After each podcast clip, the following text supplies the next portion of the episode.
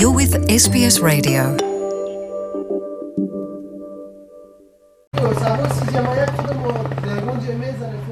دا د چلم او قیلون غږ دی چې د دې هیواد ډېری ځوانان ترې ګټه اخلي د افغانستان د عامه روغتیا وزارت وایي له تمباکونه اکثره د سګرټ چلم او قیلون په ذریعہ استفاده کیږي تمباکو د دخانیاتو اساسي عنصر دی چې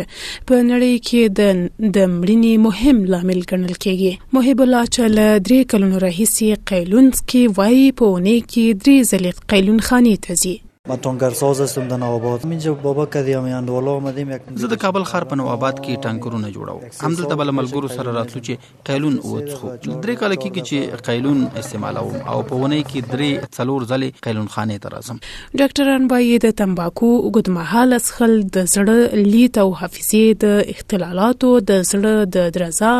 د خلی مری او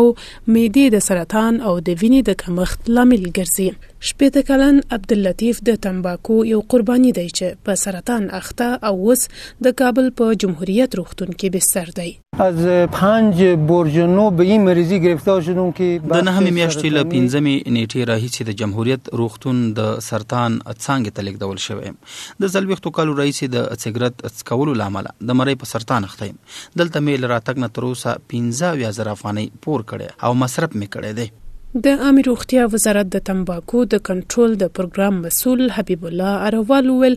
د مرۍ، خولې او معدې د دېرش فیصده سرطان لامل په دوامداره توګه د تنباکو کارول دي. دا چې د تنباکو کارول پر بدن څومره اغېز کوي،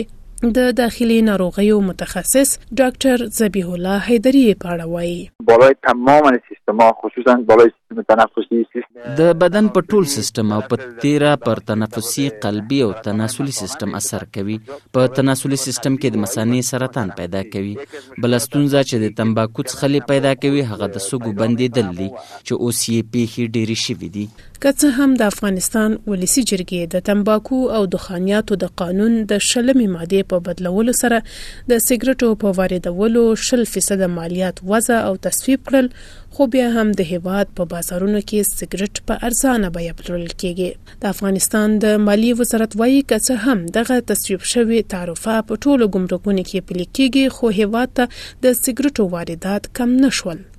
د دغه وزارت ویاند شمروز مسجدي په دې اړه وویل. تنباکوهای پروسس شده در سال هزار و سیصد و نود و هفت به مقدار. د پروسس شوو تنباکو واردات په دیارلس سوه و نویم کال کې څوارلس زره ټنه وو، چې ګمرکي ارزښت یې دوه اعشاریه شپږ میلیارد افغانۍ و او حکومت ترې شاوخوا څلور سوه یو اتیا میلیونه افغانۍ ګمرکي محصول واخیست. په افغانستان کې له تنباکو نه د سګرټ، چلم او قیلون په ذریعه استفاده کېږي. د ډاکټرانو په خبره، له تنباکو سره بلدتیا په لومړي سر کې له کورنۍ او چاپېریاله پیلېږي.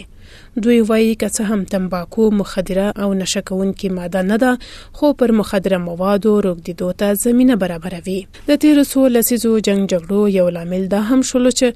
ډېری افغانانو د افغانستان د ګاونډیو او نورو هېوادونو مهاجرتونو ته اړ شول.